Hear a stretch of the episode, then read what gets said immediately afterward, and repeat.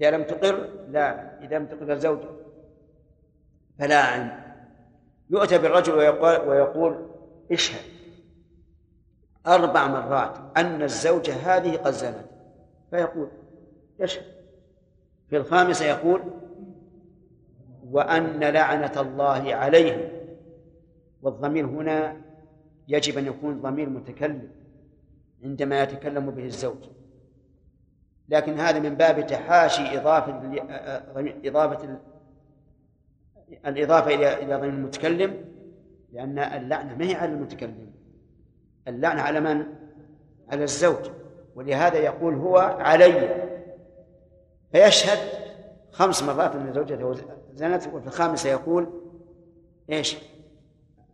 وأن لعنة الله عليه إن كان من الكاذبين هي تشهد في في رد كلام الزوج أربع مرات أنه كاذب وفي الخامسة وأن غضب الله عليها إن كان من الصادقين.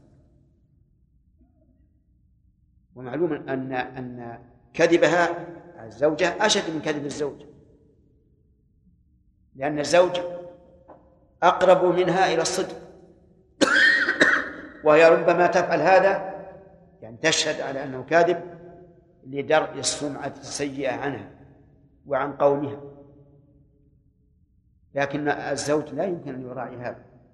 ولهذا كان الغضب في جانبها واللعنة في جانب الزوج. وبه عرفنا أن الغضب أشد من اللعنة. نعم. بل لعنه الله وغضب عليه إذا اليهود مغضوب عليهم لأنهم علموا الحق. إيش؟ ولم يعملوا به. النصارى. الآية هذه تدل على أن النصارى مغضوب عليهم. لأن الخطاب مع من؟ مع مع أهل الكتاب. ولا شك أن النصارى بعد تكذيبهم لرسول الله صلى الله عليه وسلم مغضوب عليهم. ولا فرق بينهم وبين اليهود. بل هم أخبث من اليهود بالنسبة للمسلمين. والحروب الصليبية إذا قرأ الإنسان عرف شدة عداوة النصارى للمسلمين وهم الآن ردء لليهود في وقتنا الحاضر. يناصرون اليهود ويدافعون عنهم ولا تفتيش على أسلحتهم ولا إنكار على فعائلهم وهذا شيء لا, لا يخفى على العميان فضلا عن المبصرين إذا غضب عليه ينطبق في هذه الآية على من؟ على اليهود. والنصارى لأن اليهود بعد بعثة الرسول علموا الحق والنصارى بعد بعثة الرسول علموا الحق وأنكروه فيكونون جميعا تحت هذه المظلة مظلة الغضب. وجعل منهم القردة والخنازير وعبد الطاغوت. جعل منهم القردة والخنازير. وسبب جعل القردة هو أنهم تحيلوا على صيد الحيتان المحرم عليهم صيده في يوم السبت. فتحيلوا عليه ليلتقطوه يوم الأحد يقول العلماء. يضعون شباكا في يوم الجمعة. ويوم السبت سبحان الله ابتلاهم الله عز وجل بأن تأتي الحيتان شرعا على الماء طافحة من كثرتها لكن ما لا يجوز أن أن يصطادوا. لا يجوز أن يصطادوا لأنه محرم عليهم. فكأنهم عجزوا عن تحمل هذا الحكم. ماذا فعلوا؟ تحيل. وضعوا الشباك يوم الجمعة تأتي الحيتان يوم السبت وفيها الشبك فإذا كان يوم الأحد أخذوها. الفعل ظاهره الإباحة. الفعل ظاهره الإباحة. الإباحة. لأنهم لم يصطادوا يوم السبت اصطادوا يوم الجمعة يوم الأحد.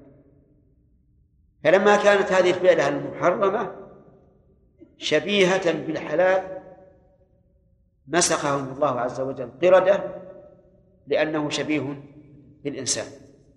الجزع من جنس العمل. صاروا قردة. وهل هذه القردة هنا هل هم صاروا قردة معنى أو حسا. حسا. صاروا قردة. حسا. هذا الذي عليه جمهور المفسرين وهو ظاهر القرآن.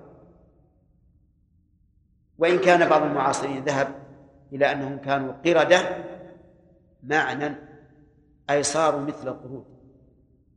ليس عندهم أفكار بني آدم ولا عقول بني آدم لكن يقال الأصل هو إيش؟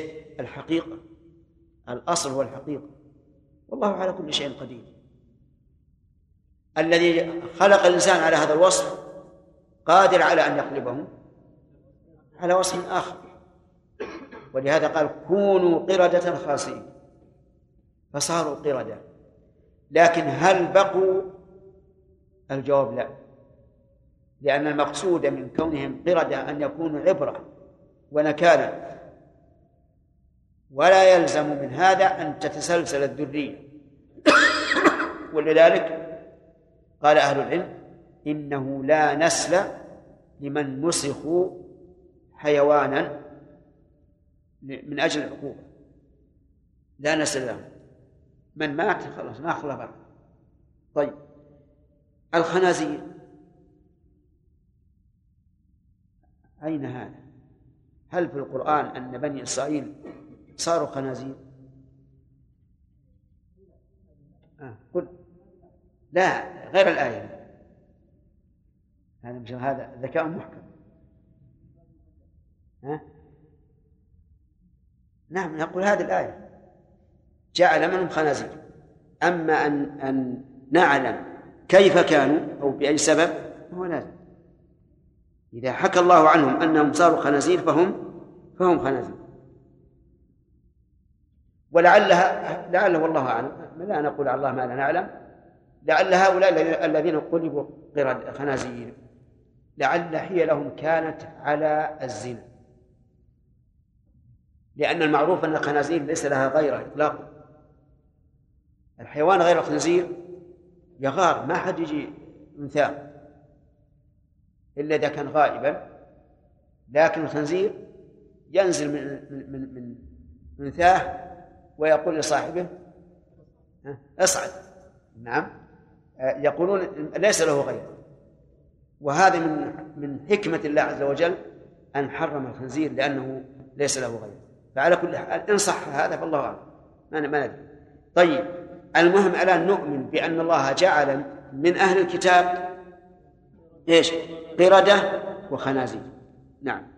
يقول عز وجل و وجعل منهم القردة والخنازير وعبد الطاغوت. عبد الطاغوت فيها قراءتان. الأولى عبد الطاغوت على أن عبد فعل ماضي والطاغوت مفعول به. وعلى هذا فتكون معطوفة على على صلة الموصول. وهو قوله لعنه الله. لعنه وغضب عليه وجعل منهم القردة والخنازير. أفهمتم؟ إذا عبد فعل ماض. فيها ضمير مستتر. يعود على من؟ في قوله من؟ من لعنه الله. والطاغوت؟ مفعول به. يعني عبد الطاغوت. من لعنه الله وغضب عليه وجعل منهم القردة والخنازير وعبد الطاغوت. يعني عبده عبادة. بركوع وسجود وطاعة فيما يأمر. والمراد بالطاغوت ما ذكره ابن القيم رحمه الله بتعريف من أجمع التعريف.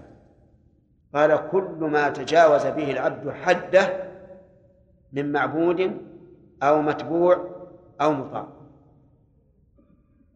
كل إنسان يتجاوز الحد في عبادة أحد غير الله فهذا المعبود طاغوت. كل إنسان يتجاوز الحد في اتباع في اتباع غير شريعة الله فقد اتخذه طاغوتا. كل إنسان يتجاوز حده في طاعة سلطان أو أمير فقد اتخذه طاغوتا. إذن الطاغوت كل ما تجاوز به العبد حده من معبود أو متبوع أو مطاع. ولهذا من ما تجاوز به العبد حده لأن أصل الطاغوت من الطغيان. أصل الطاغوت من الطغيان. فإن قال قائل هذا المعبود كيف نسميه طاغوتا؟ هذا المتبوع كيف نسميه طاغوتا؟ هذا المطاع كيف نسميه طاغوتا؟ قلنا الطغيان هنا الطاغوت هنا بمعنى الطغيان.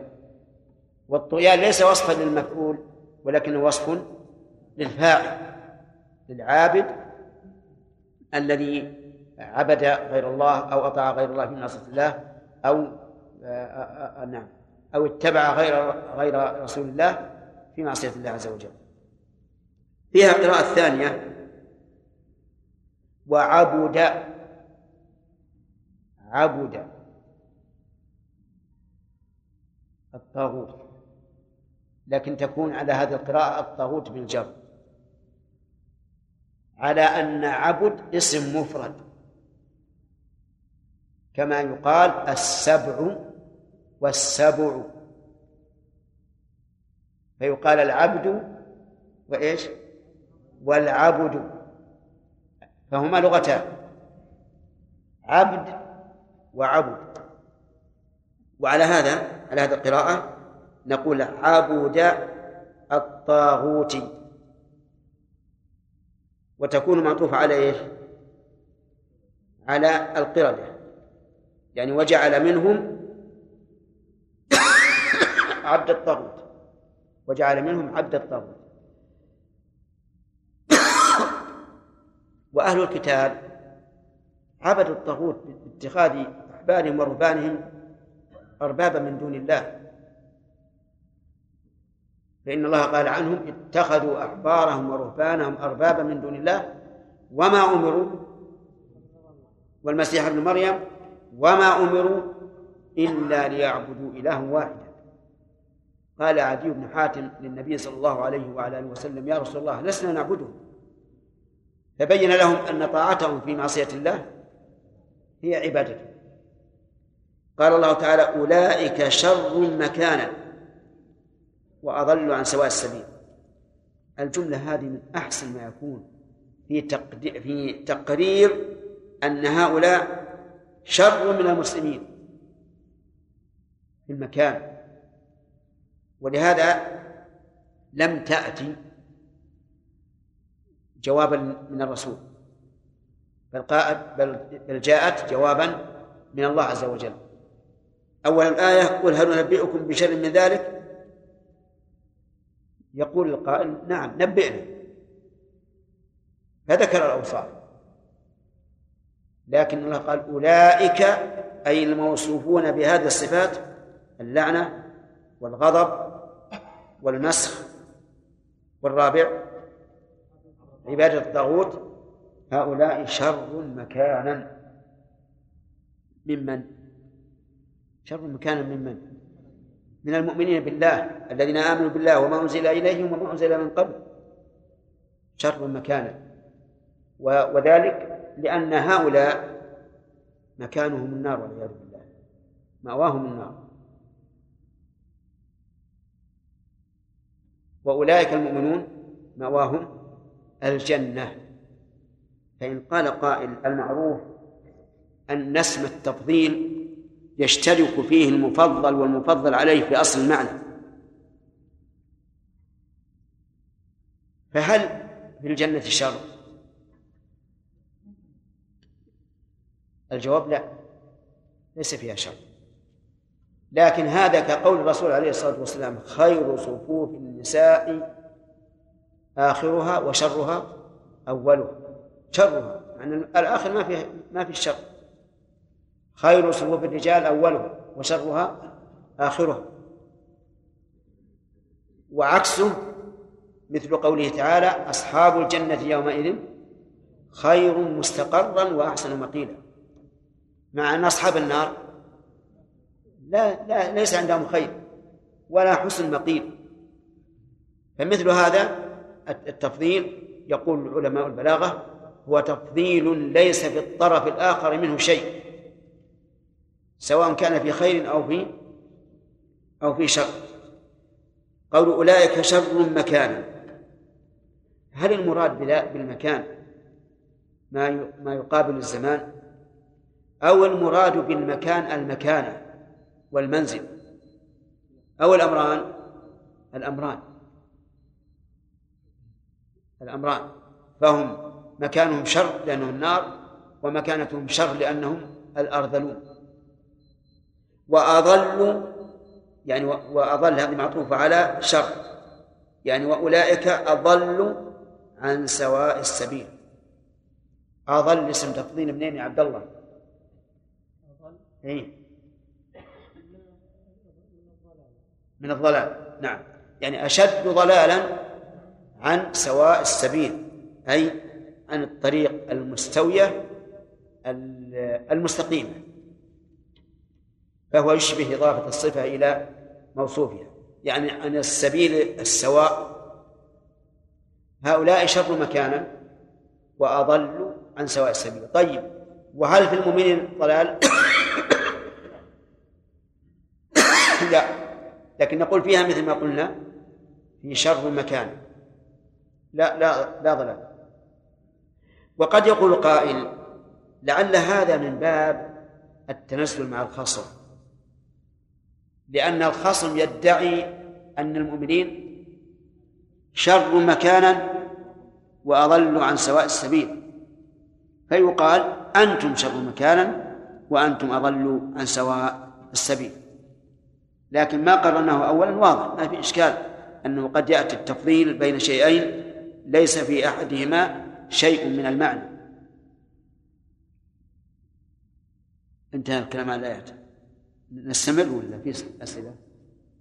نعم. سليم.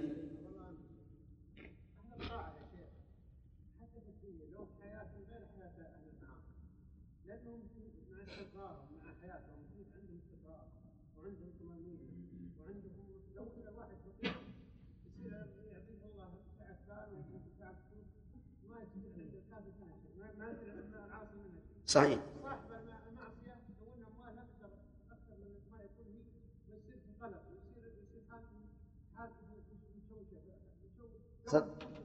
صدقت. صدقت ويشهد لصدقك قول الله تعالى من عمل صالح من ذكر أو أنثى وهو مؤمن فلنحيينه حياة طيبة.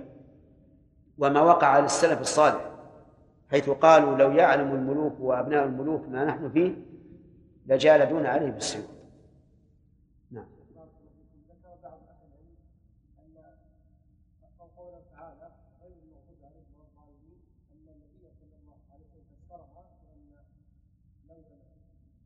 اليهود نعم. هذا الحديث ضعيف. هذا الحديث ضعيف. ثم لو صح لحمل على النصارى قبل أن بعثة الرسول عليه الصلاة والسلام. نعم.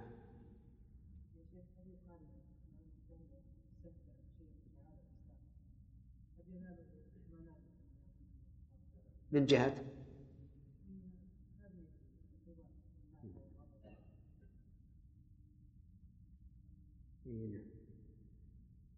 أما إذا قلنا إن هذا أمر معنوي فقد يصيبه هذا. قد ينتكس والعياذ بالله. ولا ينتفع بحق. وإذا قلنا إنه حسي فكذلك أيضا. أليس النبي صلى الله عليه وسلم قال أما يخشى الذي يرفع رأسه قبل الإمام أن يحول الله رأسه رأس حمار أو يجعلها صورته صورة حمار نعم.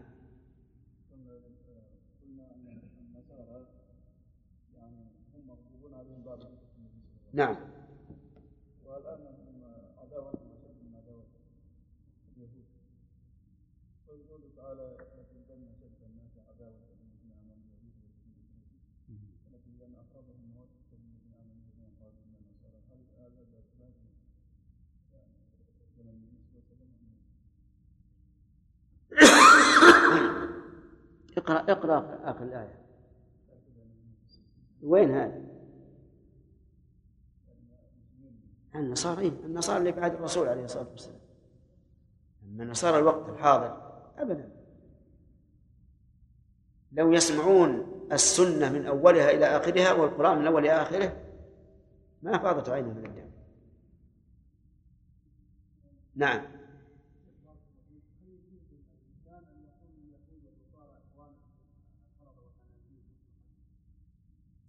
لا بأس. لا بأس أن يقول لكن أنا عندي ما هو مناسب. خصوصا في مقام الدعوة. تجي الواحد مثلا يهودي ونصراني تقول تعال يا أخو يا أخ القردة والخنازير. أؤمن بمحمد. ما يصير هذا. لكن على سبيل الخبر قد يقال بالجواز عبد الله بن رواح بن رواحة لما جمعهم ليخلص عليهم النخل قال إني جئتكم من أحب الناس إلي وإنكم لأبغض إلي من عدتكم من القردة والخنازير.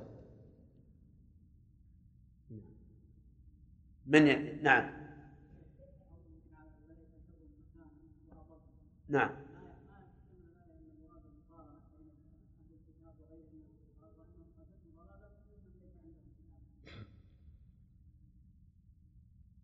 لا قد يكون الآن المقام المناظرة بينهم وبين المسلمين. بينهم وبين المسلمين. ولا شك أن غيرهم أضل منهم. ولهذا أباح الله لنا من اليهود والنصارى ما لم يبح من غيرهم. أباح لنا النكاح عن نسائهم وأباح لنا ذبائحهم. مما يدل على أنهم أرفع مرتبة من المشركين والمجوس. هنا.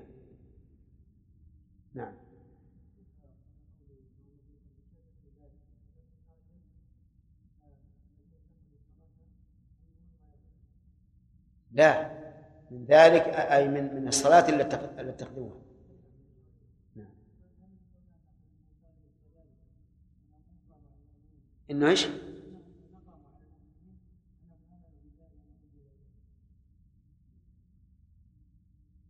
لا ما الظاهر. لكن فيها إشكال في من التركيب. وهو قوله من غضب الله عليه من لعنه الله وغضب عليه وجعل منهم القردة. كيف جعل منهم بضمير الجمع؟ مع أنه قال من لعنه الله وغضب عليه. نعم. نعم. من؟ اسم مسؤول يجوز في ضميرها أن نعم. أن يرد على لفظ أو على المعنى. صحيح. نعم.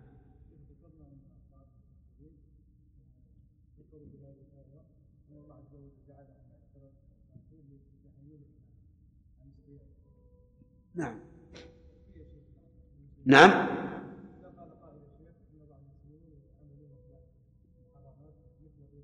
نعم. هم على خطر. لكن إذا قلنا إن القردة والخنازير أمر معنوي فلا إشكال. لكن إذا كان حسيا فيخشى أن يقع بهم ذلك. نعم.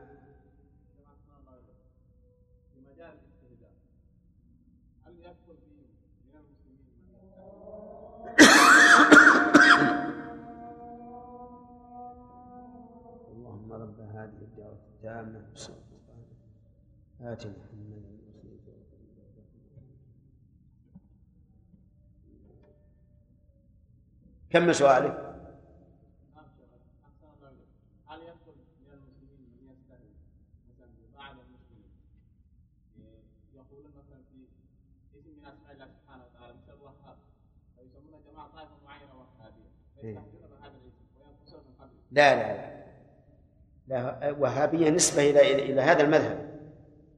يظنون أن الشيخ محمد بن الوهاب رحمه الله أنه ابتدع مذهبا جديدا وهو صحيح هو مذهب جديد بالنسبة لهم ولا شركه لكنه بالنسبة لأهل السنة إيش يقول؟ بالنسبة لأهل السنة. يعني ليس مستقلا. لا لا هو تنقيص لهذا المذهب. لا ما يريدون تنقيص الله ابدا. يريدون تنقيص المذهب ولكن ليس بغريب. الرسول وصفوه بأنه ساحر كذاب مجنون شاعر. بل قال الله تعالى كذلك ما أتى الذين من قبلهم من رسول إلا قالوا ساحر ومجنون.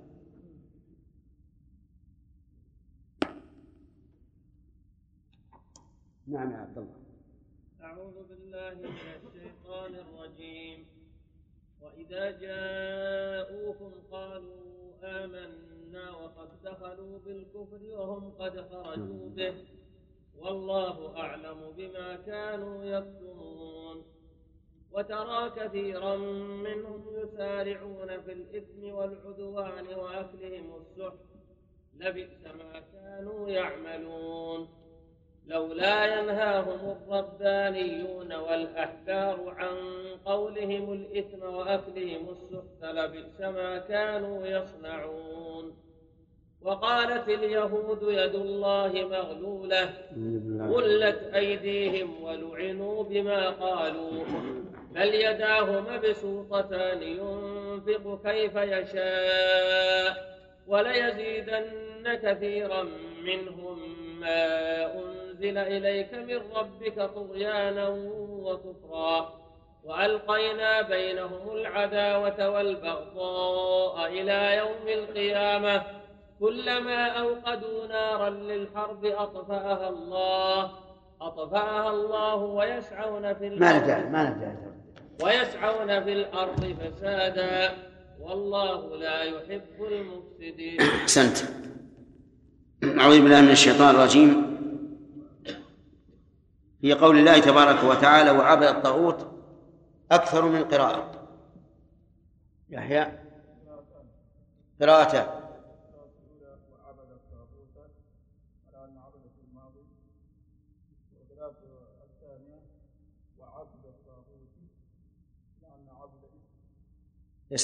يعني عبد بمعنى عبد وعبد. كلاهما. كلاهما واحد. كسبع؟ سبع. لا. يحيى. كسبع وسبع.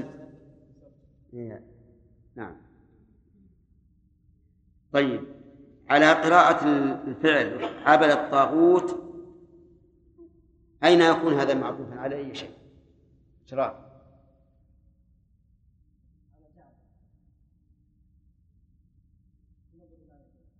طيب.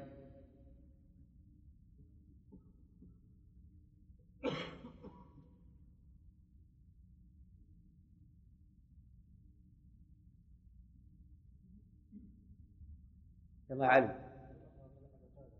ها؟ قال؟ لا. معطوف على لعنه الله. نعم. يعني من لعنه الله ومن عبد الطاغوت. ذكرنا أن أجمع ما قيل في معنى الطاغوت.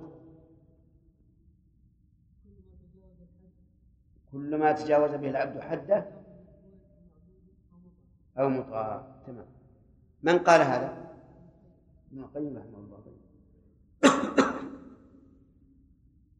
قوله أولئك شر مكانا. إبراهيم. إعراب مكانا. تمييز؟ تمييز لإيش؟ لما بها نسب التفضيل. طيب. هل هنا قاعدة في هذا الموضوع؟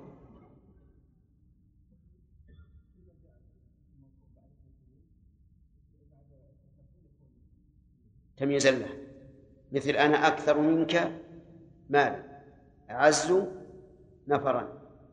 كذا؟ طيب. قال الله عز وجل وإذا جاءوكم قالوا آمنا. إذا جاءوكم الخطاب للنبي صلى الله عليه وعلى آله وسلم ومن معه؟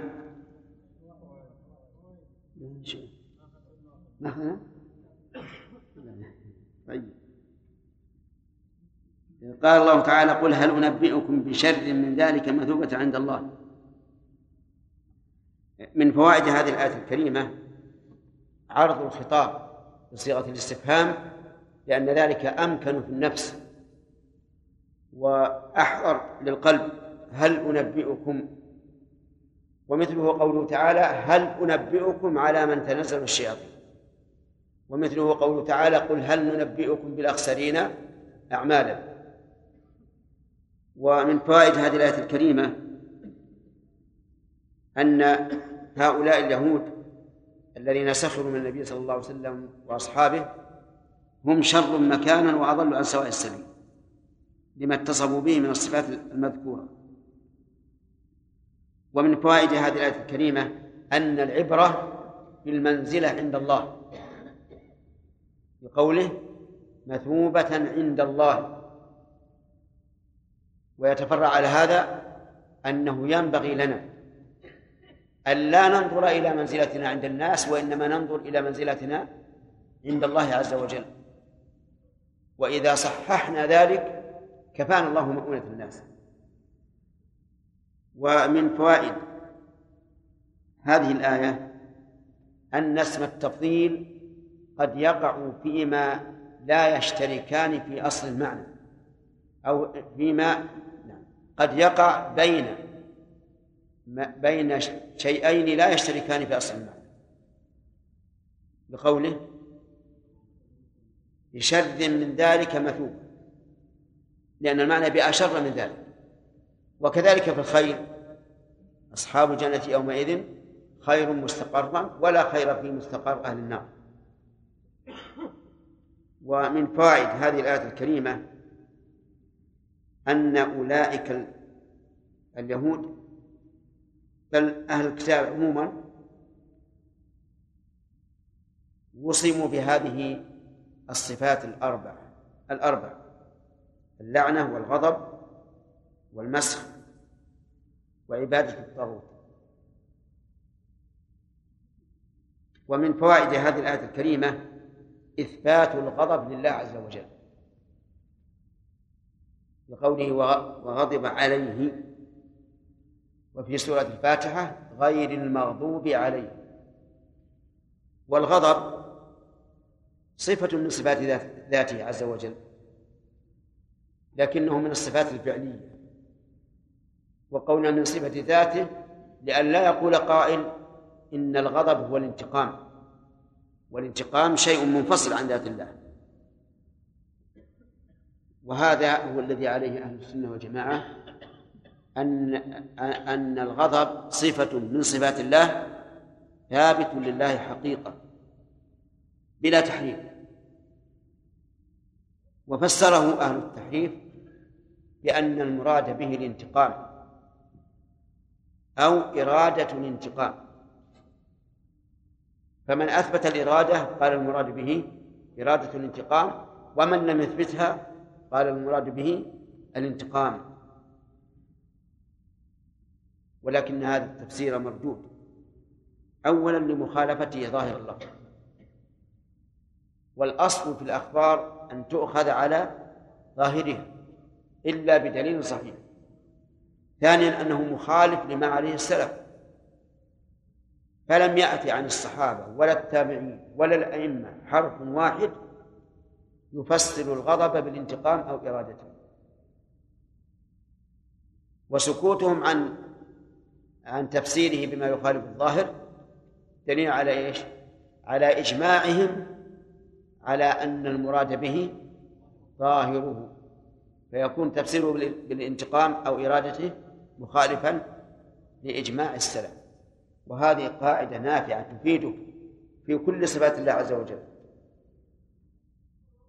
ثالثا آه، يكذبه القرآن. يعني يبطل هذا التفسير القرآن الكريم. وذلك بقول الله تعالى فلما آسفونا انتقمنا منهم فأغرقناهم أجمعين. فإن معنى آسفونا أي أغضبونا. انتقمنا منهم. ومعلوم أن الجزاء غير الشرط انتقمنا جواب. الشرط. وآسفونا فعل الشرط. وجواب الشرط يخالف الشرط بلا شك. فهذا هذه الآية الكريمة ترد عليهم ذلك التفسير. آه، آه، الرابع أو الخامس الخامس. الرابع. أننا إذا تنزلنا وقلنا إنه الإرادة إرادة الانتقام والانتقام فإن لازم ذلك أن يكون هناك غضب. لأن إرادة الانتقام لا أو الانتقام نفسه لا يكون إلا عن فعل شيء لا يرضاه المنتقم. وهذا يكون نتيجة للغضب. فهم مهما فروا لا بد أن يلزمهم إثبات الغضب لله عز وجل. هنا عبارة تذكر. يذكرها حتى بعض المحققين. يقولون إن طريقة السلف أسلم وطريقة الخلف أعلم وأحكم. وهذه العبارة فيها حق وباطل. أما الحق فقولهم طريقة السلف أسلم. وأما الباطل فقولهم طريقة الخلف أعلم وأحكم. لأن هذه الجملة الأخيرة تناقض الأولى تناقض الأولى تماما. لأنه كيف تكون السلامة مع الجهل أو السفة؟ لأن ضد العلم الجهل وضد الحكمة السفة. فكيف يمكن أن يكون هناك سلامة بدون علم وحكمة؟ فمتى كانت طريقة السلف أسلم لزم أن تكون أعلم وأحكم. ويدل على هذا أن السلف والحمد لله مملوءة كتبهم بتفسير آيات الصفات وأحاديثها. لم يأتي عنهم كلمة واحدة يقولون والله لا نعرف هذا هذا المعنى. لا نعرف معنى الآية لا نعرف معنى الحديث أبدا. بل كانوا يقولون المعنى معلوم والكيف مجهول. ويقولون أمروها كما جاءت بلا كيف. فطريقة السلف إذا أسلم وأعلم وأحكم. ومن فوائد هذه الآية الكريمة قدرة الله عز وجل. على مسخ الإنسان قردا وخنزيرا. لقوله تعالى وجعل منهم القردة والخنازير. وهل هذا الجعل جعل كوني أو جعل قدري. نعم نعم نعم. القدري والكوني واحد. كوني أو شرعي كوني. فقوله تعالى كونوا قردة هذا أمر كوني وليس أمرا شرعيا. ومن فوائد هذه هذه الآية الكريمة أن لا أن لا يستعصي الإنسان طلب الشيء من الله عز وجل ما دام لا ما دام ليس في طلبه عدوان. يعني ولنضرب لهذا مثلا برجل مريض بمرض بمرض السرطان. بعض الناس يقول مرض السرطان مرض لا لا يرجى برؤه وهذا هو الغالب لا شك. لكن بعض الناس ييأس ويقول كيف أدعو الله أن يبرئني من هذا المرض؟ والعادة أنه لا لا يبرأ منه. وهذا غلط عظيم. لأن الذي أوجد المرض قادر على على رفعه. والذي خلقك ولم تكن شيئا قادر على أن يعيدك كما كنت.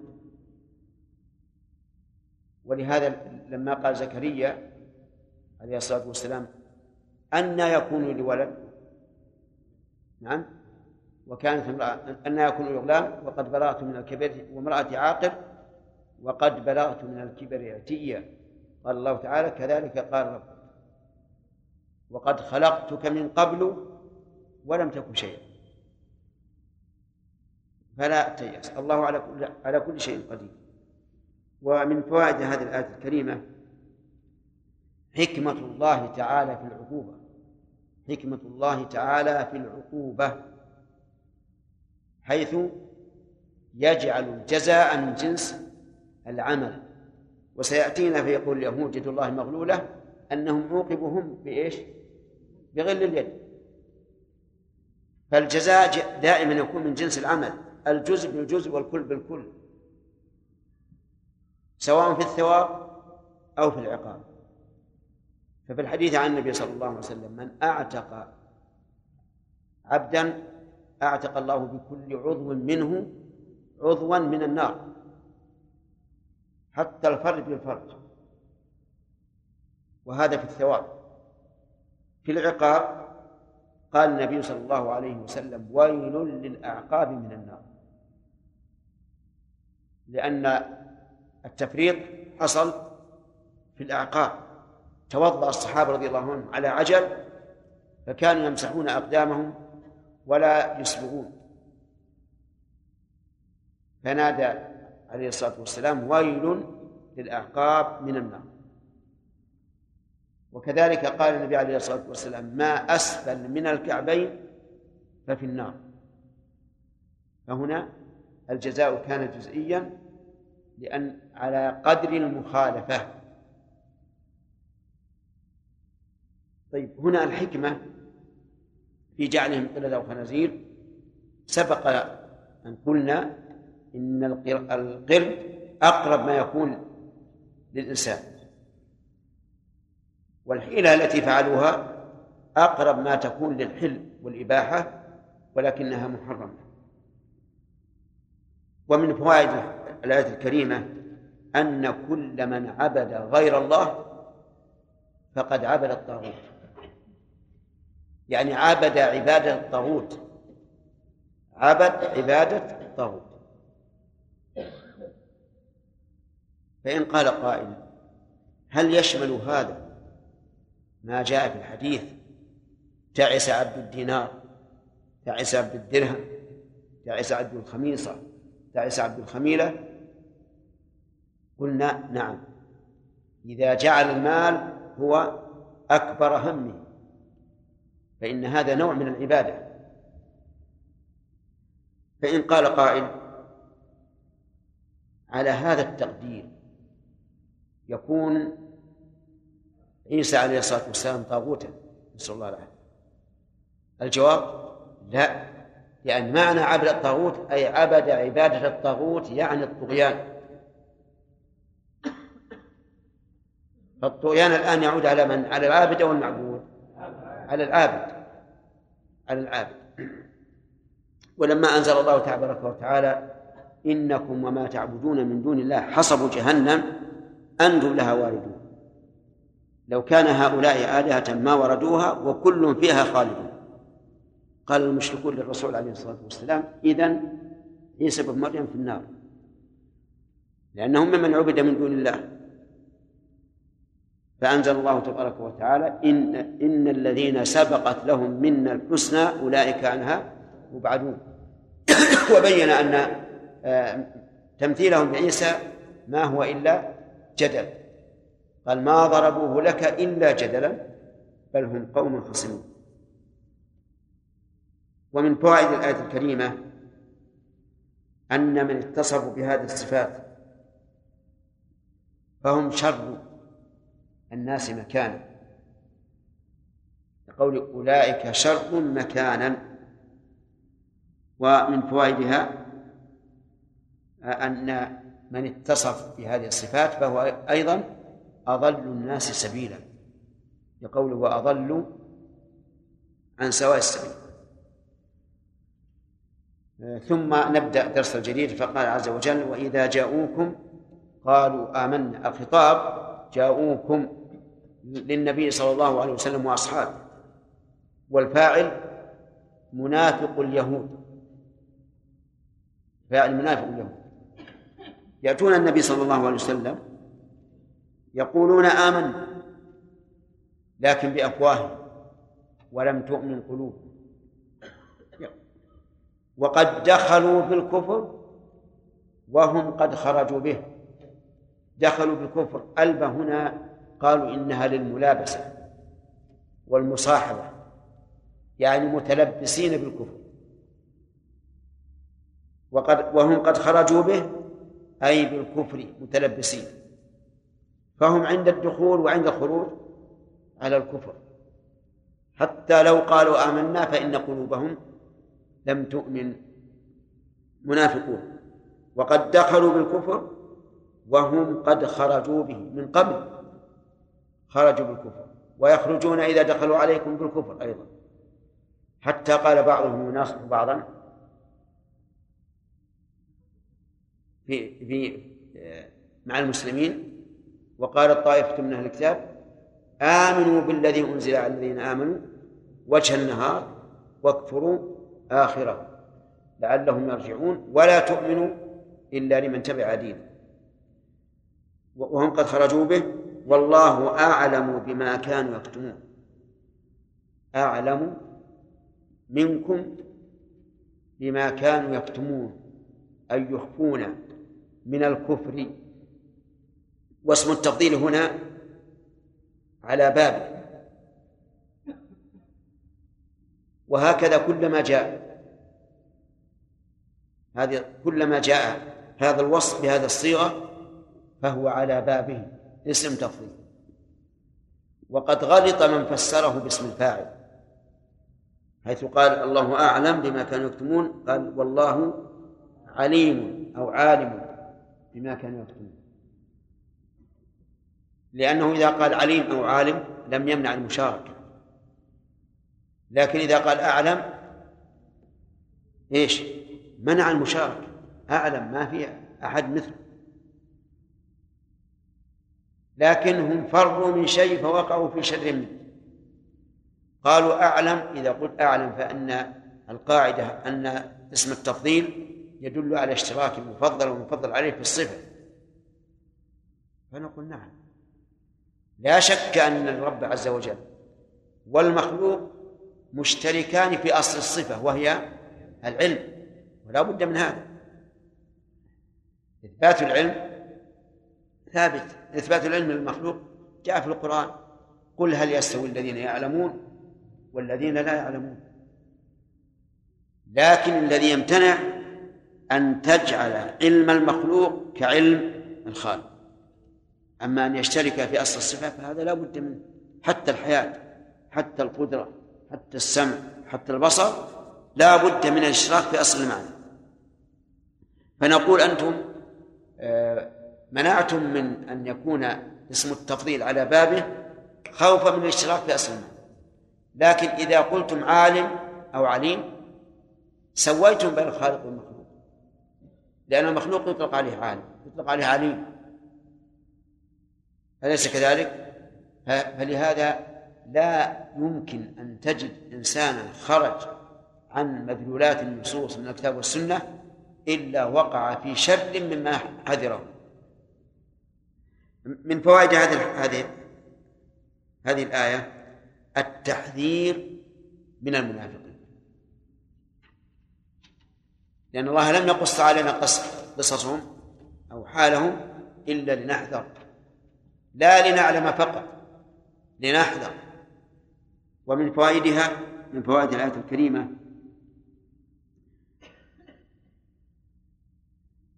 إثبات علم الله تبارك وتعالى بما في القلوب. لقوله والله أعلم بما يكتمون. نعم. والله أعلم بما والله أعلم بما كانوا يكتمون. فإثبات العلم ببواطن بما في القلوب ثابت لله عز وجل. نعم. طيب. ومن فوائد هذه الآية الكريمة أن أنه ليس لنا أن نحكم إلا بما ظهر. لأن الله لم يخبرنا إلا لنحذر. ولو أننا بقينا على ما يبدو لنا لكان هؤلاء إيش؟ مؤمنين. حسب ما يقولون. لكن الله أخبرنا بهذا لنحذر ومن فوائد هذه الآية الكريمة تحذير المرء من أن يبطن في قلبه ما يخالف لسانه. وهذه مسألة يجب علينا أن نعالج أنفسنا منها. احذر أن تضمر في قلبك ما يخالف ما تنطق به بلسانك أو تفعله بجوارحك. يجب أن تصفي القلب أولا وتطهر القلب ثم بعد ذلك تبني أعمالك على حسب هذه التصفية. ثم قال عز وجل وترى كثيرا منهم يسارعون في الإثم والعدوان وأكلهم السحت لبئس ما كانوا يعملون. ترى الخطاب للرسول عليه الصلاة والسلام. والظاهر أن المراد بالرؤية هنا البصرية. ويجوز أن تكون علمية ويكون كثيرا مفعول أول ويسارعون مفعول ثاني مفعولا ثانيا. ترى كثيرا منهم أي من هؤلاء الذين يأتون إليكم يقولون إنهم مؤمنون يسارعون في الإثم يعني يتسابقون إليه أيهم أسرع؟ والعدوان الإثم فيما يتعلق بحق الله عز وجل والعدوان فيما فيما يتعلق بحق الآدمي. ومنهم من فسر الإثم بالكذب والعدوان بالظلم. ولكننا إذا قلنا الإثم فيما يتعلق بحق الله والعدوان فيما يتعلق بحق الآدمي كان أعم وأشمل. وأكلهم السحت. ويعني يسارعون في أكلهم السحت يتسابقون إليه. وما هو السحت؟ السحت كل كسب محرم فهو سحت. فيدخل في ذلك الربا ويدخل في ذلك الرشوة ويدخل في ذلك الغش. وكل كسب محرم فهو داخل بلفظ السحت. ووصف بهذا الوصف المنفر لوجهين. الوجه الأول أنه لا بركة فيه. الوجه الثاني أنه سبب لسحت المال الموجود. فهو شر في نفسه شر في غيره.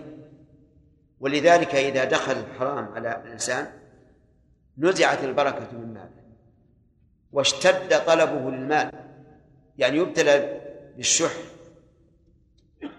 لبئس ما كانوا يصنعون. اللام هذه في جواب القسم والتقدير. والله لبئس ما كانوا يصنعون. وبئس نعم لبئس ما كانوا يعملون. وبئس تعمل عمل ليس. وأين خبرها؟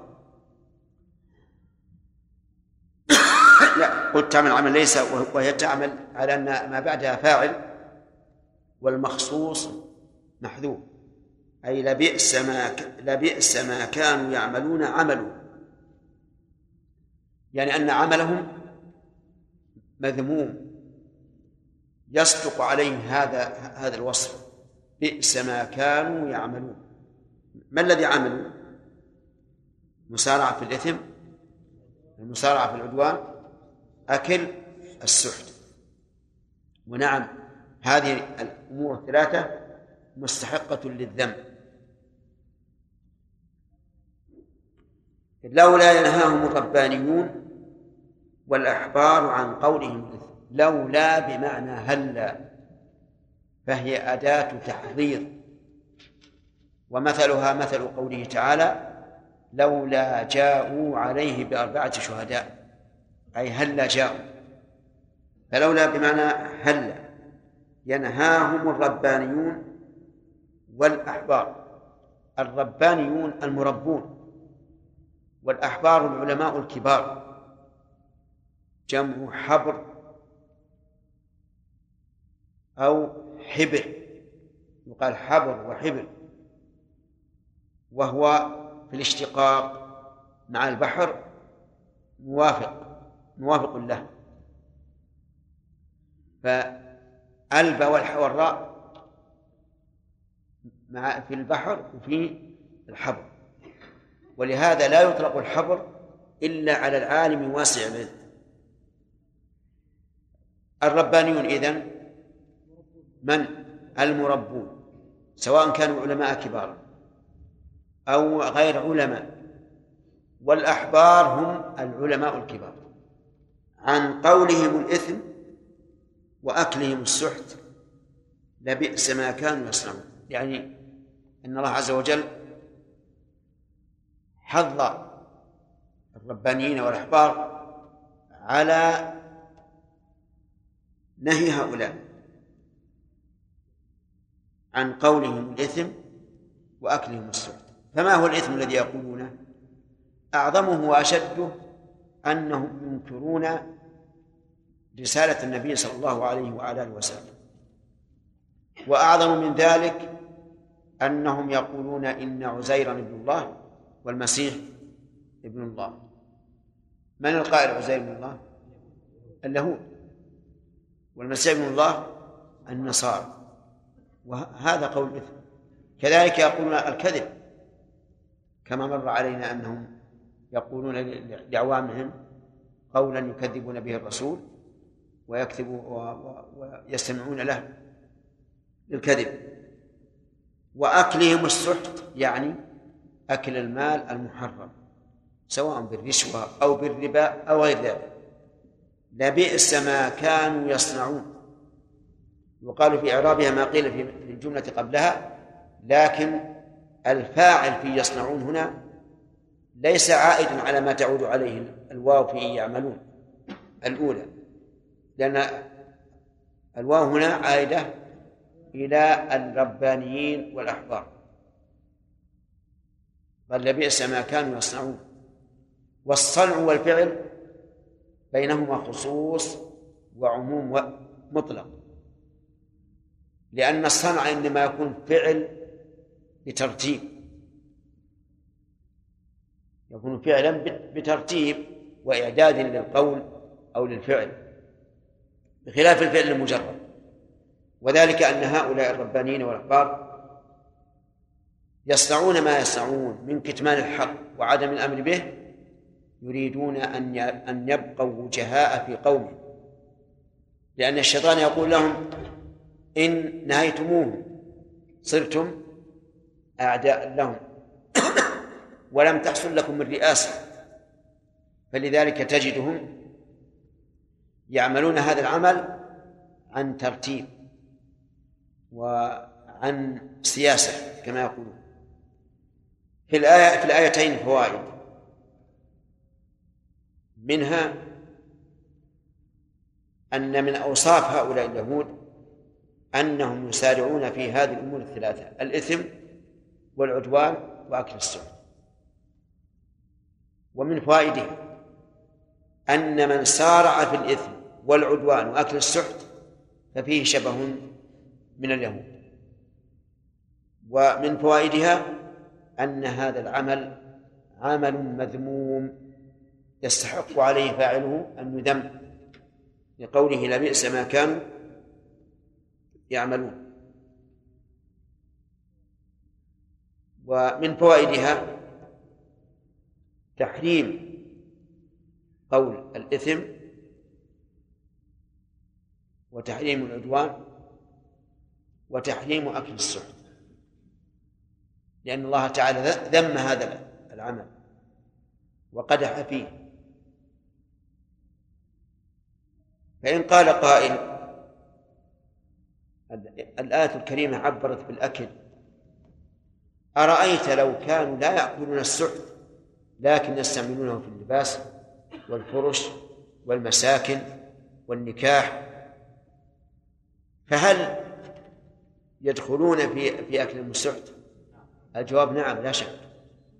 لكنه عبر بالأكل لأنه هو الغالب ولأنه أعلى ما يمكن أن ينتفع به الإنسان في بالمال.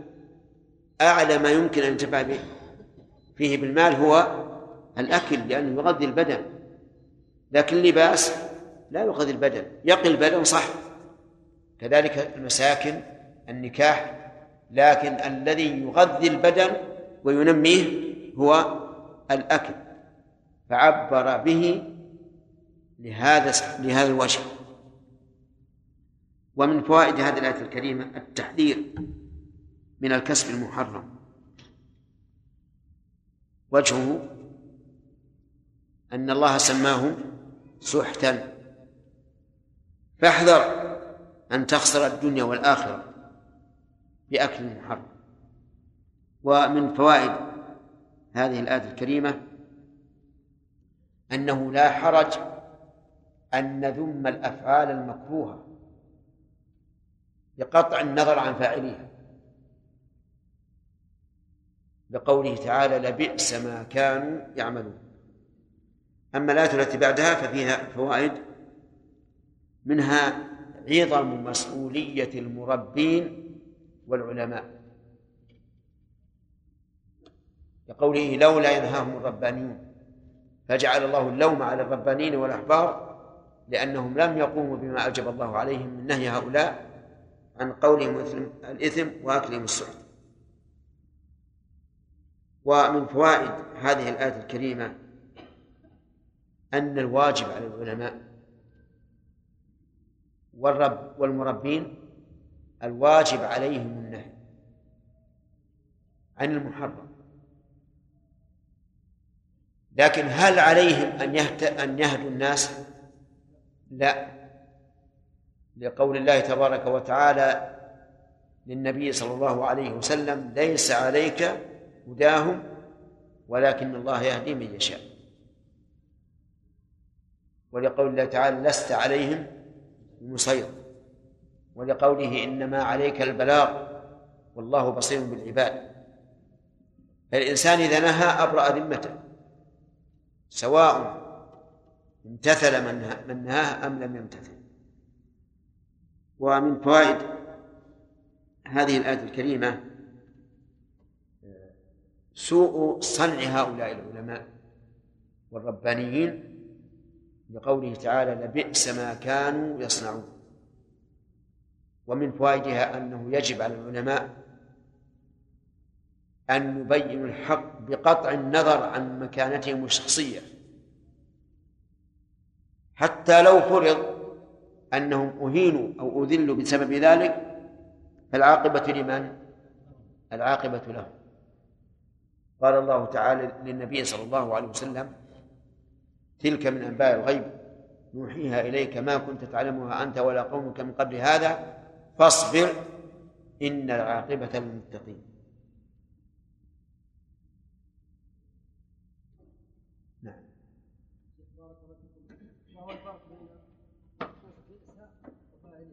نعم.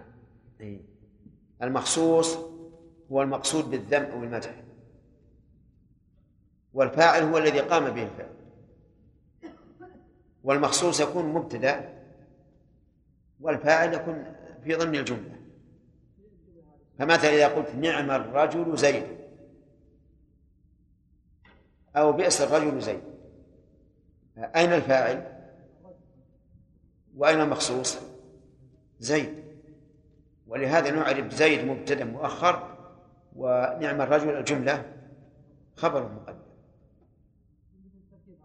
نعم. نعم؟ اي اي الفاعل ما. يعني لبئس الذي يعمل. وإن شئت فاجعلها مصدرية ويكون الفاعل المصدر. أي لبئس عملهم اي نعم يصح. نعم عملهم عمل. نعم.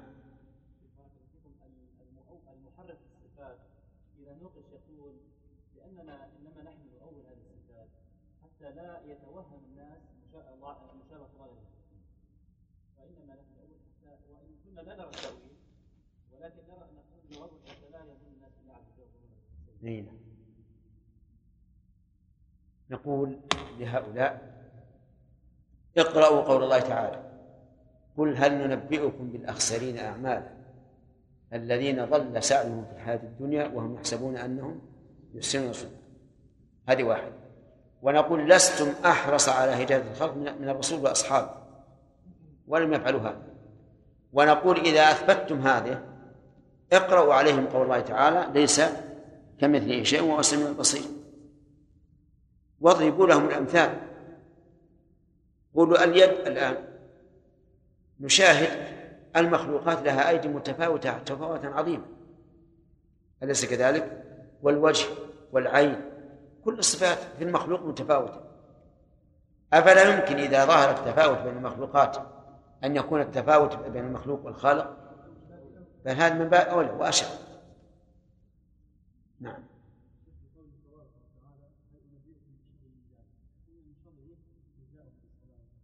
نعم. إيش؟ اللي بعدها. من لعنه الله وغضب عليه. ها؟ أي لك الحكم يدل على محكوم عليه. نعم. لأنه مستهزئ لا المفاضلة بين حال الصحابة رضي الله عنهم وحال هؤلاء. فأي أيهما أشر؟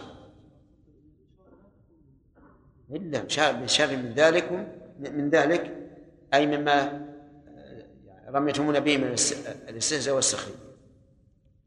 ويكون المعنى عمل من لعنه الله. نعم. هذا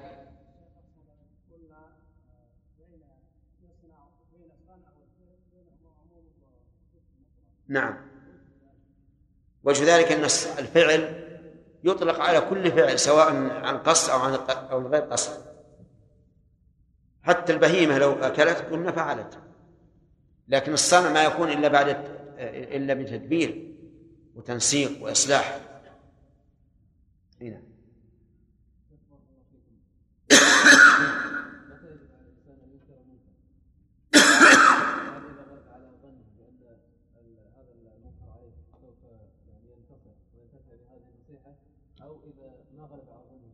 نعم. الواجب إنكار المنكر سواء غلب على ظن أن يفعل أو لم أو لم يغلب لكن بشرط بشروط معروفة. بعد ذلك. اللهم رب هذه الدعوة التامة والصلاة القائمة على محمد وسيلة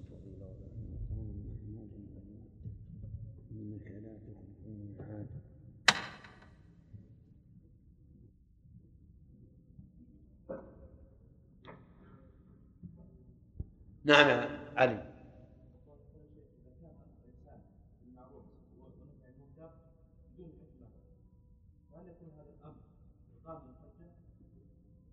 لا. إذا كان بغير حكمة فهو ففعله منكر يجب أن ينكر. سليم انتهى الوقت جاء.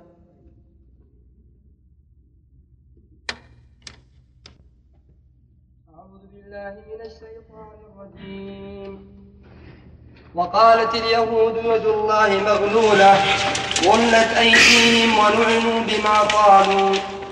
بل يداه مبسوطتان بل يداه مبسوطتان ينفق كيف يشاء وليزيدن كثيرا منهم ما أنزل إليكم إليك من ربك طغيانا وكفرا. وألقينا بينهم العداوة والبغضاء إلى يوم القيامة. كلما أوقدوا نارا للحرب أطفأها الله ويسعون في الأرض فسادا والله لا يحب المفسدين. أعوذ بالله من الشيطان الرجيم. قال الله تعالى وقالت اليهود, اليهود يد الله مغلولة. اليهود هم الذين يدعون أنهم أتباع موسى عليه الصلاة والسلام وسموا بذلك قيل إنه من قوله تعالى إنا هدنا إليك أي من الهود وهو الرجوع وقيل إنه نسبة إلى أبيه يهوذا ولكنها عربت فصارت يهود. وأيا كان فالمراد به من ينتسبون إلى موسى عليه الصلاة والسلام. قالوا يد الله مغلولة أولا قالوا يد الله ولم يقولوا يدا بالألف لأنهم يريدون أن ينقصوا صفة الله عز وجل في ذاتها وفي تصرفاتها. أما في ذاتها فمعلوم أن ذا اليدين أكمل من اليد الواحدة. وأما في تصرفاتها فقولهم إنها مغلولة أي محبوسة عن الإنفاق. وذلك أن اليد إما أن تكون مغلولة مضمومة إلى العنق بحيث لا تنبسط حتى تعطي وإما أن تكون مبسوطة تعطي. ولهذا قال الله تعالى ولا تجعل يدك مغلولة إلى عنقك ولا تبسطها كل البسط. يد الله مغلولة أي محبوسة عن الإنفاق. كما قالوا أيضا في في وصف آخر إن الله فقير. فوصفوا الله مرة بالبخل ومرة بالفقر عليهم لعنة الله إلى يوم القيامة. لأنهم أهل مال وأهل طمع ويريدون أن يغدق الله عليهم المال على حسب ما يريدون. فإذا لم يكن المال على حسب ما يريدون قالوا هذا بخل من الله أو أتم أو فقر منه. يد الله مغلولة. قال الله تعالى غلت أيديهم لأن الجزاء من جنس العمل فغلت أيديهم وهذا خبر وليس دعاء لأنه صادر من عند الله عز وجل. والله سبحانه وتعالى يخبر ولا يدعو فأخبر أن أيديهم غلت أي حبست عن الإنفاق. ولهذا نقول إن أشد الناس بخلا هم اليهود من جميع الأمم. ولا يمكن لليهود أن يبذل دينارا إلا وهو يريد أن يعود عليه بدينار بدينارين. أو فلس أو فلسا إلا وهو يريد أن يعود عليه بفلسين. لا تفكر في غير هذا لأنهم قد غلت أيديهم. ولعنوا أي طردوا عن رحمة الله وأبعدوا عنها بسبب هذا القول. ولهذا قال بما قالوا والباء هنا واضح جدا أنها للسببية. وأما ما فيحتمل أن تكون مصدرية ويحتمل أن تكون موصولة. فإن كانت مصدرية فالتقدير ولعنوا بقولهم. وإن كانت موصولة فالتقدير ولعنوا بما قالوه. ولو جاء الضمير قالوه لتعين أن تكون اسما موصولا لكنه حذف. على كل حال سواء جعلناها مصدرية أم موصولا فإنها فإنها تفيد أن هذه العقوبة التي حلت بهم بسبب قولهم. قال الله تعالى بل يداه مبسوطتان بل هنا للإضراب الإبطالي أي شيء مبطل؟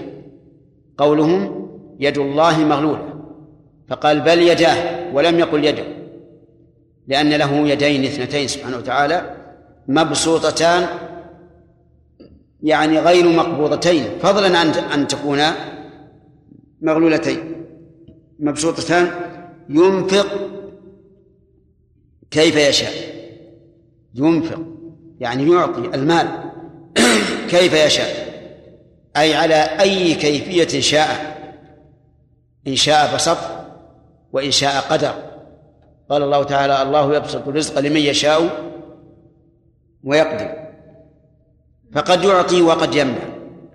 على حسب ما تقتضيه الحكمة وليس على حسب ما يريده الإنسان.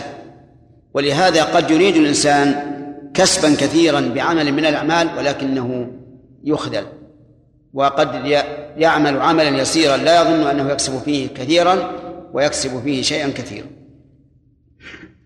قال الله تعالى ولا يزيدن كثيرا منهم ولا يزيدن كثيرا منهم ما أنزل إليك من ربك طغيانا وكفرا. زاد هنا تنصب مفعولين. ليس أصلهما المبتدأ والخبر. المفعول الأول كثيرا والثاني طغيانا. وأما قوله ما أنزل فما هنا فاعل. يعني أن ما أنزل إلى الرسول عليه الصلاة والسلام يزيد كثيرا منهم وليس كلهم طغيانا على عباد الله وفي حق الله وكفرا بالله عز وجل. اللام في قوله ولا يزيدن. اللام واقعة في جواب القسم. وعليه فالجملة مؤكدة. مؤكدة بكم؟ بثلاثة مؤكدات. القسم المقدر تقديره والله واللام ونون التوكيد. ونون التوكيد. وإنما أكد الله ذلك لأهميته ولئلا ينكر منكر أن يكون النازل شفاء لما في الصدور وهو القرآن يزيد هؤلاء طغيانا وكفرا. لكن لا تعجب.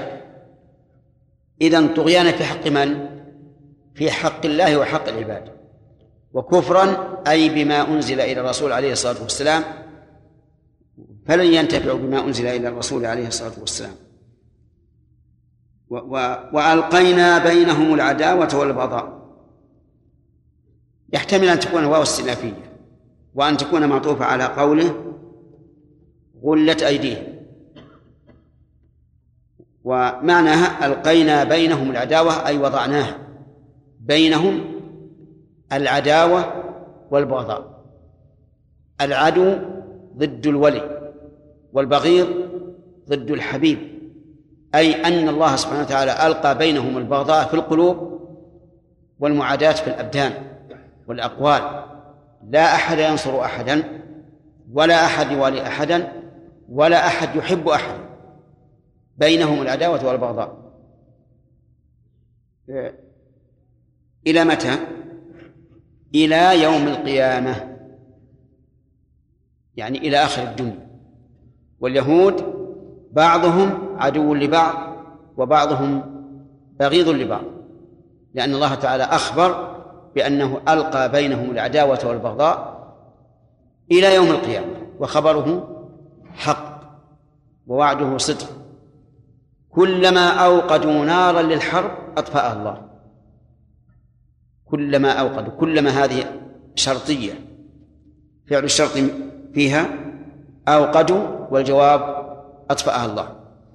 أي كلما أرادوا الحرب وأوقدوا نارا فإن الله يطفئها ولن تقوم لهم قائمة بل هم مخذولون. ويدل لهذا قول الله تعالى في آية في آية أخرى وضربت عليهم ضربت عليهم الذلة أينما ثقفوا إلا بحبل من الله وحبل من الناس. قال العلماء الحبل من الله الإسلام والحبل من الناس العهد والميثاق. وقيل الحبل من الناس المساعدة والسبب الذي يعزون به لأن الحبل يطلق على السبب كما كما في قول الله تعالى نعم آه، اعتصموا بحبل الله جميعا أي بدينه الذي هو سبب للسعادة. طيب إذن نقول إن الله سبحانه وتعالى بين أن هؤلاء اليهود كلما أوقدوا نارا للحرب أطفأها الله. أي لم ينالوا بها مرادهم. وليس المعنى أنها لن تقوم الحرب. تقوم الحرب وقد قامت بينهم وبين المسلمين في عدة في عدة وقائع. لكن النتيجة إيش؟ أن الله يطفئها ولا يحقق لهم ما يريدون من أكل هذه النار لعدوهم. كلما أوقدوا نار الحرب أطفأ الله. ويسعون في الأرض فسادا. يسعون أي يلقون فيها الفساد. وعبر بالسعي إشارة إلى مسارعة في هذا. ولهذا كان اليهود أفسد أهل الأرض في الأرض. لما لهم من الوقائع ومن أراد أن يطلع على شيء من ذلك فليراجع كتاب إغاثة اللهفان لابن القيم رحمه الله. إغاثة الرحمن اللهفان من من مصائد الشيطان. ويسعون في الأرض فسادا والله لا يحب المفسدين. ولا يق... لم يقل ولا لا يحبهم لإفادة العموم. وبيان العلة وعموم المعنى. نعم لإرادة العموم وبيان العلة فمثلا لا يحب المفسدين من اليهود وغير اليهود. أيضا يفيد أن الله لا يحب هؤلاء لأنهم مفسدون فيكون هنا أعم. كل مفسد فإن الله لا يحبه. في هذه الآية الكريمة بيان عدوان اليهود وأنهم يصرحون بالعدوان والاعتداء حتى في حق الخالق عز وجل. لقولهم يد الله مغلولة. وفيه أيضا أن اليهود يقرون بصفات الله عز وجل الحقيقية. لأنه لا يقال يد فلان يد, يد أحد مغلولة إلا لمن له يد. فيكون فيكون إقرار اليهود بالصفات الخبرية أحسن من إنكارها وإن كان اليهود ليس لهم دين لكن يجب أن يقبل الحق من أي إنسان. ومن فوائد هذه الآية الكريمة الإشارة إلى حرص اليهود على المال. وجه الدلالة. أنه لم يحملهم على هذا القول إلا إيش؟ إلا الجشع والطمع. ومن فوائد الآية الكريمة تنزيه الله سبحانه وتعالى عن البخل. وجه ذلك أن الله عاقبهم على هذه على هذه المقالة. ولا يعاقب تبارك وتعالى إلا على شيء محرم. ومن فوائد هذه الآية الكريمة الإشارة إلى بخل اليهود. لقوله غلت أيديهم. وقد سبق قبل قليل أن هذا خبر وليس دعاء. ومن فوائد الآية الكريمة أن اليهود ابتلوا بهذين الأمرين البخل واللعنة فهم أبعد الناس عن رحمة الله أو من أبعد الناس عن رحمة الله لقوله ولعنوا بما قالوا. ولم يبين الله سبحانه وتعالى من اللاعن لإفادة العموم أنه أن الله يلعنهم ويلعنهم اللاعنون أيضا. وهذا كقوله غير المغضوب عليهم بعد قولها الذين أنعمت عليهم ولم يقل غير الذين غضبت عليهم لإفادة العموم وأن وأن هؤلاء مغضوب عليهم من قبل الله ومن قبل أولياء الله. ومن فوائد هذه هذه هذه الآية الكريمة إثبات السبب إثبات الأسباب. إثبات الأسباب. تؤخذ يا سليم. نعم. نعم. نعم لقول بما قال. يعني أن الله سبحانه وتعالى لم يقل أيديهم ويلعنهم إلا بسبب قولهم ففيه إثبات الأسباب. والأسباب نوعان حسية وشرعية وكلاهما ثابت. من الأسباب الشرعية أن العمل الصالح سبب لدخول الجنة والكفر سبب لدخول لدخول النار. هذا سبب شرعي. من الأسباب الحسية ما ما نجده في الكون. كون النار محرقة والصقيع مجمد للماء وما أشبه ذلك. هذه أسباب إيش؟ حسية. الأكل سبب للشبع. ولا ولا تحصى أفراده. وهل الأسباب مؤثرة بنفسها؟ الجواب لا. لكنها مؤثرة بإرادة الله عز وجل بما أودع فيها من القوى المؤثرة. وهذا القول هو الذي تدل عليه دلالات الكتاب والسنة والعقل. وأما من قال إنه لا تأثير لها فقد قال قولا يضحك منه السفهاء. ومن قال إنها مؤثرة بطبيعتها فقد قال قولا منكرا. أما الأول الذي يقول إنه لا تؤثر فهذا قول قال قولا يضحك منه السفهاء. فيقول مثلا إذا أكل الإنسان وهو جائع ثم شبع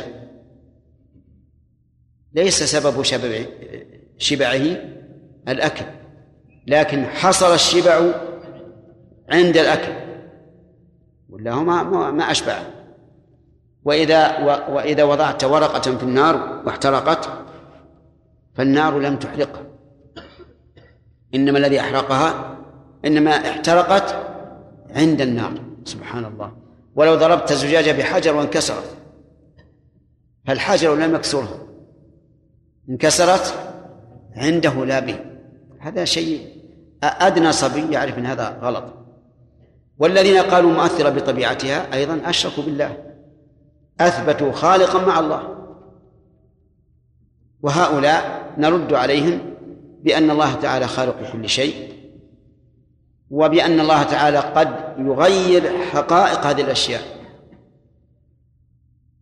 و و ومن ذلك أن الله سبحانه وتعالى قال للنار التي أضرمت وكانت سعيرا عظيما ليلقى فيها إبراهيم وألقي فيها. قال الله لها كوني بردا وسلاما على إبراهيم. فكانت بردا وسلاما على إبراهيم. هذا يدل على أن الأسباب لا تؤثر بذاتها. إنما تؤثر بما أودع الله فيها من القوى. ولا فقد يوجد موانع. حتى الأسباب الشرعية قد يوجد لها موانع. سبب الإرث القرابة مثلا. وإذا كان قريب مخالفا لقريب في الدين لم يرث منه. فالمهم أن نقول من أثبت أن الأسباب تؤثر بذاتها فهو مشرك. ومن نفى تأثيرها مطلقا فهو سفيه. بقي أن نقول تؤثر بإيش؟ بما أودع الله فيها من القوى المؤثرة التي قد تتخلف بإرادة الله ومشيئته.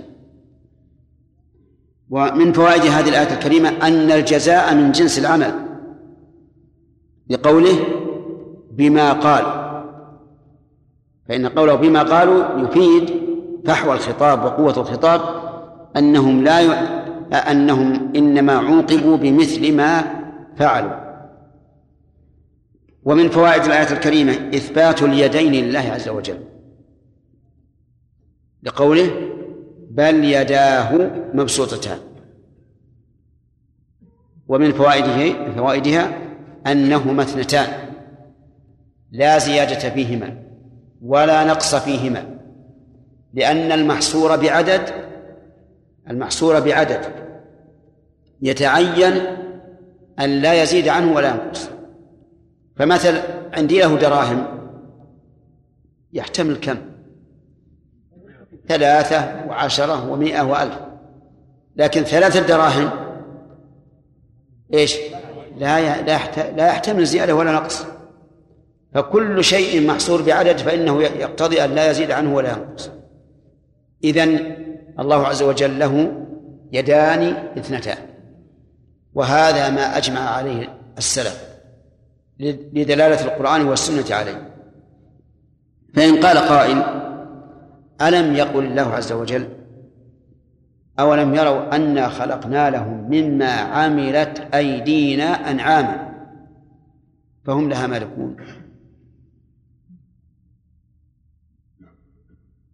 ألم يقل الله تبارك الذي بيده الملك؟ فالجواب بلى. لكن الجواب عن الآية الأولى مما عملت أيدينا لا يراد بها اليد الحقيقية بل المراد مما عملت أيدينا أي مما عملنا. لكن العرب يطلقون اليد على الفاعل. انظر إلى قوله تعالى بما كسبت أيديكم وما أصابكم من مصيبة فبما كسبت أيديكم. ومعلوم أن كسبنا لا يختص باليد يكون باليد. وإيش؟ بالرجل واللسان والعين والأنف والفرج والقلب. لكن القرآن الكريم نزل بلسان عربي مبين. فالتعبيرات الموجودة في كلام العرب تكون في القرآن. ولذلك لو أن المراد باليد هنا حقيقة اليد دون الفاعل لكانت الإبل أشرف منه لأننا نحن خلقنا بإيش؟ بالكلمة. إلا آدم فخلق الله بيده. والإبل على تقدير أن المراد عمل الله تعالى بيده خلقت باليد. أما أما المفرد فلا ينافي التعدد. لأن من القواعد المعروفة أن المفرد المضاف يعم. يعم ما يقتضيه مدلوله فمثلا لو قال رجل امرأتي طالق وعنده امرأتان طلقت المرأتان إلا إذا أراد واحدة. ولو قال عبدي حر وعنده أعبد عتق الأعبد كلهم إلا بنية.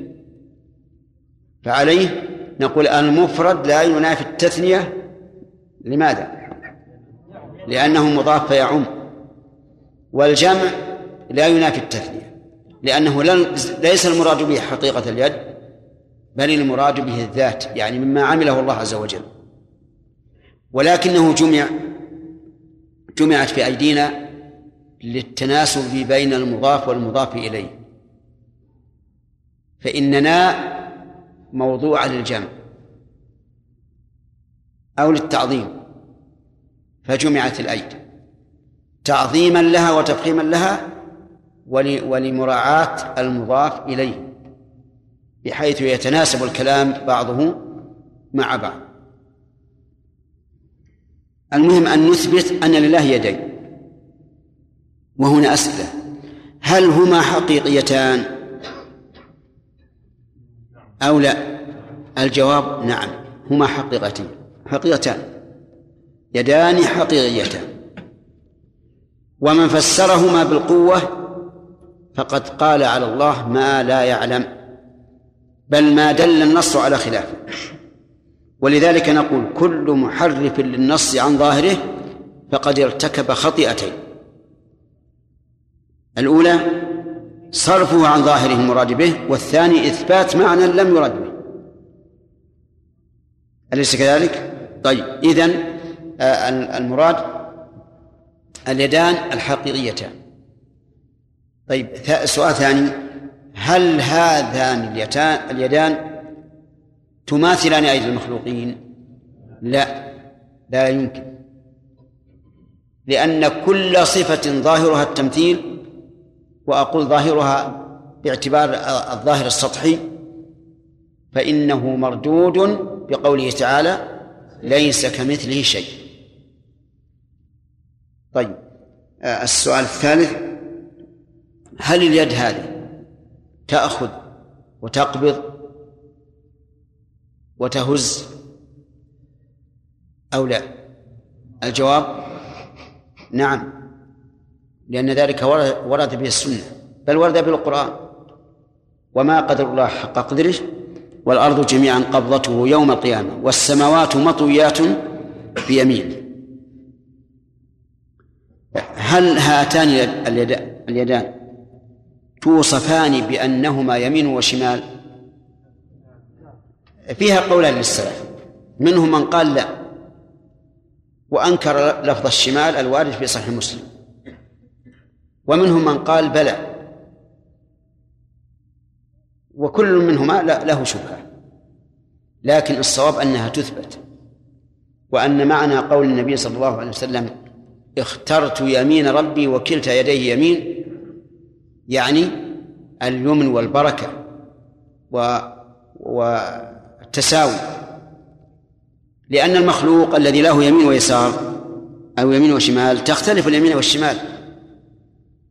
أليس كذلك؟ تختلف بالقوة حتى بالقوة الجسمية تختلف. لكن يد الله عز وجل وأريد التثنية آه، لا تختلف. كلتاهما يمين وهذا هو الصحيح. أننا نثبت الشمال